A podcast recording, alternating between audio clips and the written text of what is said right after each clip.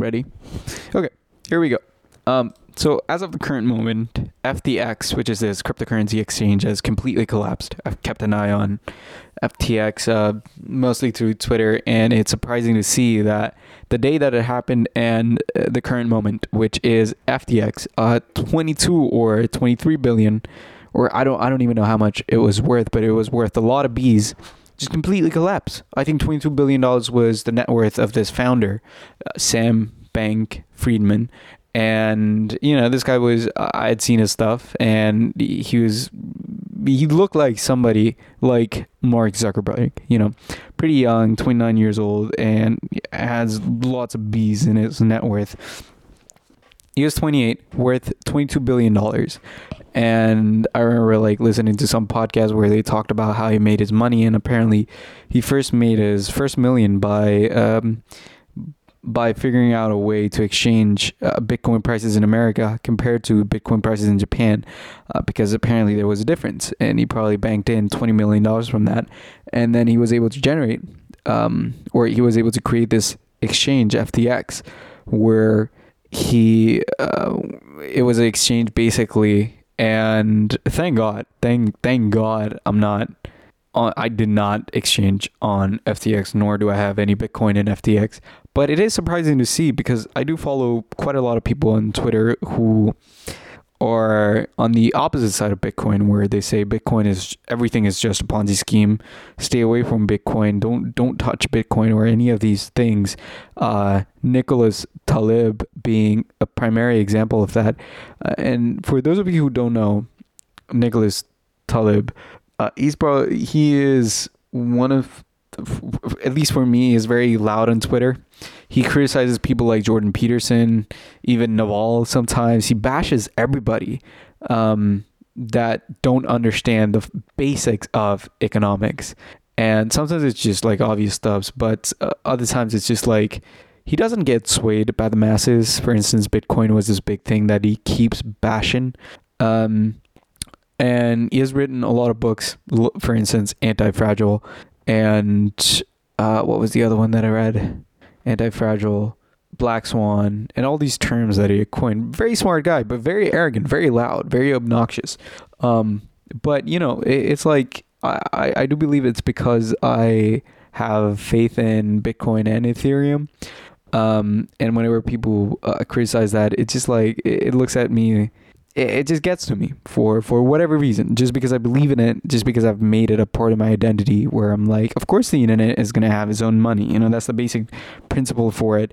Um and the technology behind it seems legitimate. It's it's it's beyond my mathematical understanding but i do believe in um, the sort of stuff that they're talking about. And if if if we want to go to the next step of internet bitcoin or uh, there has to be a, an internet currency that's going to play a big part in that because the current fiat currency is not going to help us to get to the next step up in um, the internet game or the next version should you say. Anyway um one of the tweets that taleb put out recently was like see i told you you know, and he was right. Sam Bank Friedman, I mean, pretty fat, pretty ugly dude. And he basically had a reputation of being the most generous billionaire. Billy Billy billionaire. Um, which, you know, obviously turned out to be not true. Apparently this guy was a dork and did not it, just like a joke. Um, and it's easy to say now, but like if you were watching his stuff like a year ago he would just come across to you as this, you know, next g- genius tech bro guy, um, like Zuck or Zach or any of these people, you know. Um, so it's interesting to see the downfall of this big, big, massive crypto exchange, um, sponsored by, I mean, I mean, uh, put behind the faces of some of the most profound celebrities like Tom Brady, who was a big uh, football superstar here in America, and Larry David. Larry David is a guy. Um, if you have ever heard the meme where uh, you know basically the uh, credit sequence pop up whenever someone falls in there. Curb your enthusiasm, baby. Um, so he produces that show, but a lot of celebrities endorsed endorsed this crypto exchange, and you know, basically a big, big, big, massive L for the whole crypto community. And I mean, I'm not like, I'm, I'm, I'm not that fazed by it. Um, I mean, if I would have had my money on FTX, I, think I would be, um, I think I would be fazed by, and I would probably rethink a lot of Bitcoin and Ethereum, but um, I'm still quite strong on it. Um, so yeah, so there is that. It also reminds me of Tate, Andrew Tate, because this Sam Bank Friedman, he's pretty fat, pretty ugly, um, and not healthy. If you look at his uh, conversations or if you have looked at any of the panels that he's been to, the way this guy sits bothers me, dude. What a crunch. Why are you sitting like that? Fix your posture. It- clearly overweight, right? Um, and he was labeled as this guy who drives a Corolla and has 10 roommates. And apparently they were having orgies. I mean, I mean, sex is a big part of everything, but, but, but, but, this guy was not what everybody painted it to be. And uh, it reminded me of, of Andrew Tate because Andrew Tate said something once, very wise man. and he said, he basically said, what he said was, all the dorks now, all the dorks on the computer control the world. Because if they're able to create a program sitting on their computer, and if the computer controls the world, then the dorks of the world control the world. Previously, men had to conquer something. They had to show that they were fierce and had courage enough to come up with something and conquer it, and that was respected. But now, all these dorks, they get to be nerd. They never get to come out of their shelf, and then, and then you know they, they basically build an influence that um that basically controls everything, and it's not good. And I could get behind that. I could probably. It makes sense to a degree. Um, uh, especially the part where he goes, you know, previously, if if you wanted to rule something, you had to you had to prove yourself. You had to probably fight like a lion or a tiger, or you know, do lots of different forms of physical activity. And physical activity was the prominent sign of dominance. You know, money was probably there, but in the current world, uh, especially because of leverage, anybody can have a massive, massive control, and it could also be a 17 year old guy. I mean, probably five, six years from now, we're probably going to see a 17 year old billionaire. Um, and you know, truly, what, what, what would a 17 year old know?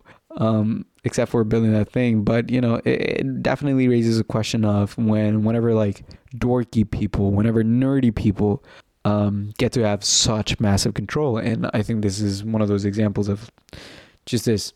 And I'm going purely off of appearance here. I mean, I, I mean, there are some clear examples of this guy. I'm talking about Sam Bank again.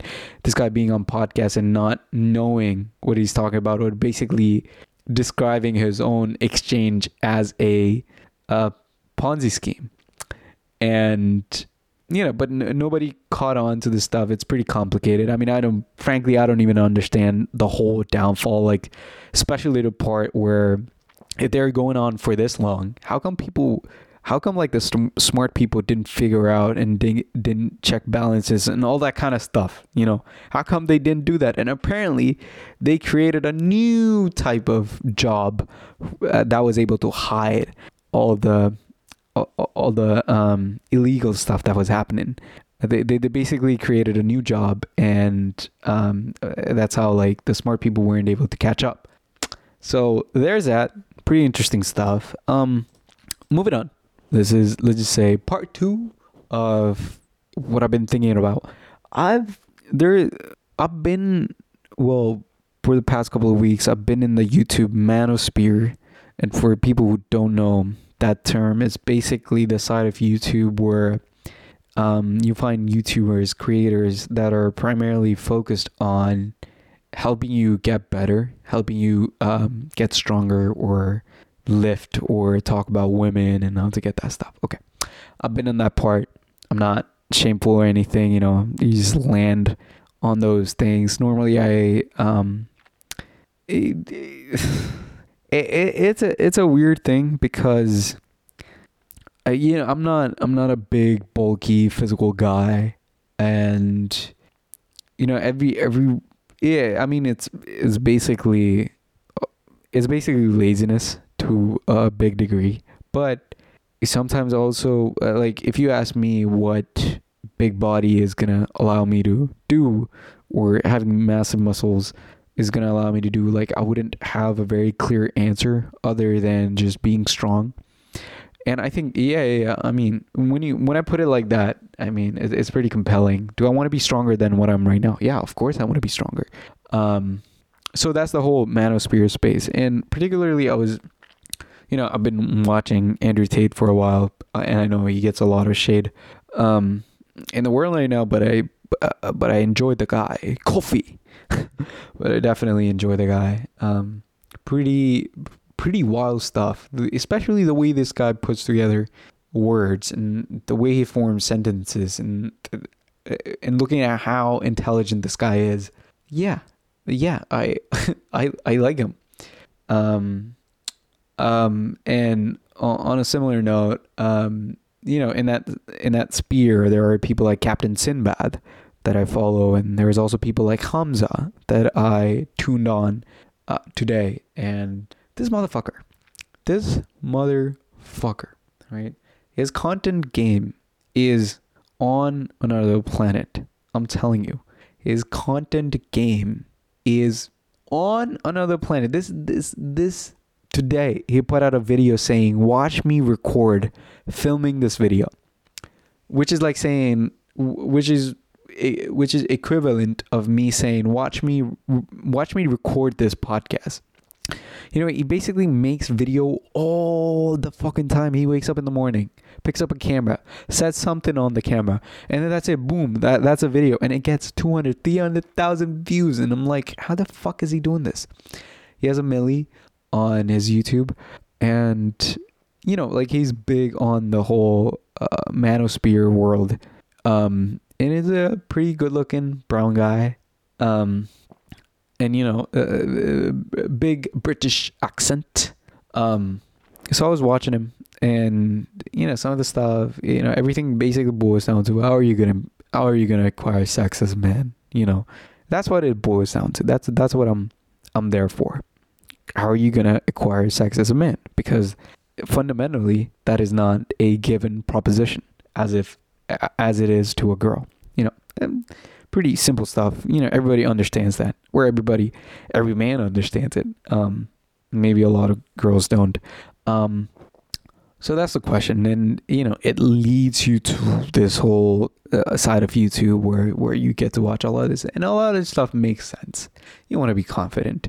You want to be able to um, you know, you uh, what else was he talking about? You know, discipline, hard work, go to the gym, cut out sugar, and all that, all that jazz. Um, but most, but oh yeah, he said something. Okay, I was talking about his production is like, because I'm thinking of getting into YouTube, right? Like YouTube is a big thing for me. I want to make it. I want to make it on YouTube, you know, and, and no doubt that I'm gonna make it. I, I've got no doubt that I'm gonna make it. It's gonna. The question is, how long is it gonna take me? Um, because I've, I've said this to myself always. I'm like, I know I'm gonna make it on YouTube. Like, I, I just know, you know, like there's there there is nothing else that I want to do other than YouTube. Um, um, but now, but you know, now now that I look at his production quality and uh, production quantity, sorry, I'm like, how am I if I if I make videos? These are the people that I'm compete, competing with. People who wake up, pick up a camera, and then just say a bunch of stuff. You know, guys, lads, I've got quality sleep, lads. And in order to sleep, in order to have a good quality sleep, lads, you just have to squeeze your buttocks and then release it every two minutes, and then you're gonna fall asleep. That's his video. Two minutes of talking, and then puts it out with I mean, I mean, I heard him say that he makes 50k a month. Insane. 50k a month from YouTube AdSense.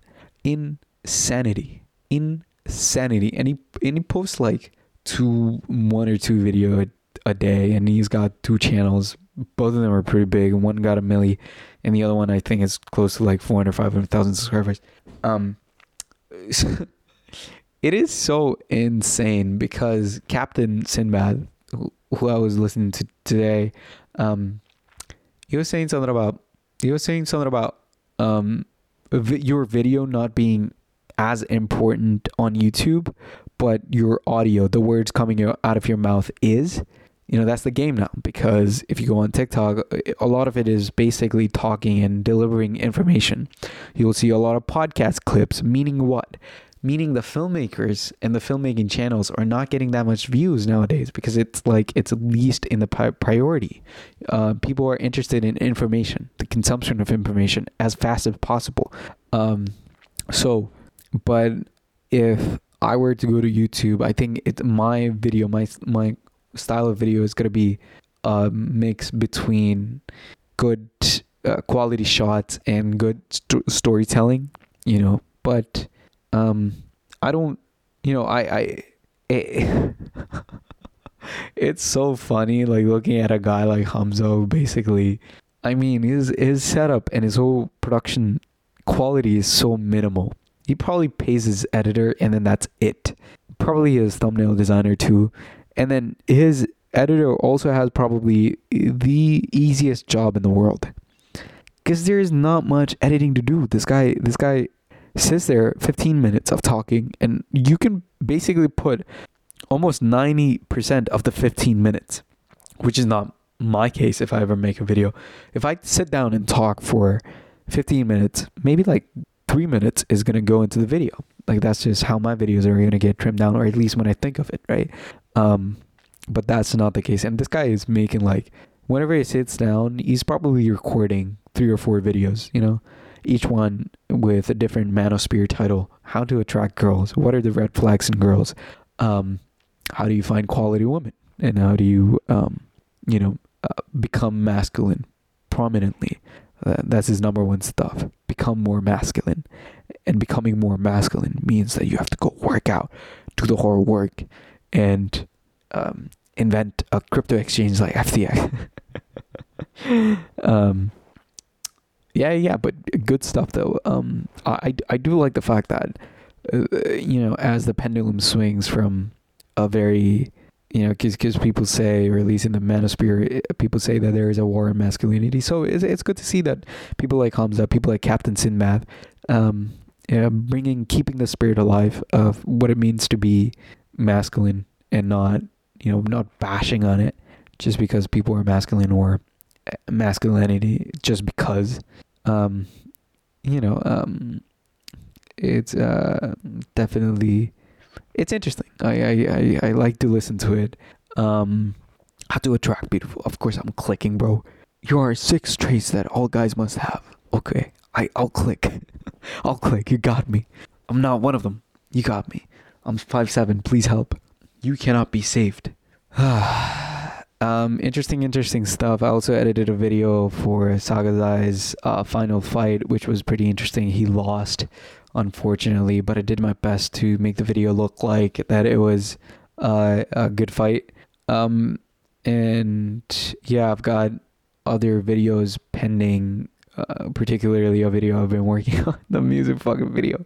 Peter, don't kill me. Um, I opened up the Premiere today, and the file said that the last time I touched the file was 18 days ago. Sucks. it sucks. 18 days ago. Um, and the NSA documentary of of you know uh, of the NSA Tesla Dossier event. So those two things I have to clear out. Only then, only then, my mind will fully clear up. Actually, there's one more video that I'm not gonna. Well, it's it's in Nepali. It's called Sotimar Breakup Bio and that one has taken the longest if i'm being honest. But you know there's a lot to work on. Um more of the story i want to uh youtube youtube youtube youtube. Youtube. All right that's it. Bye bye bye bye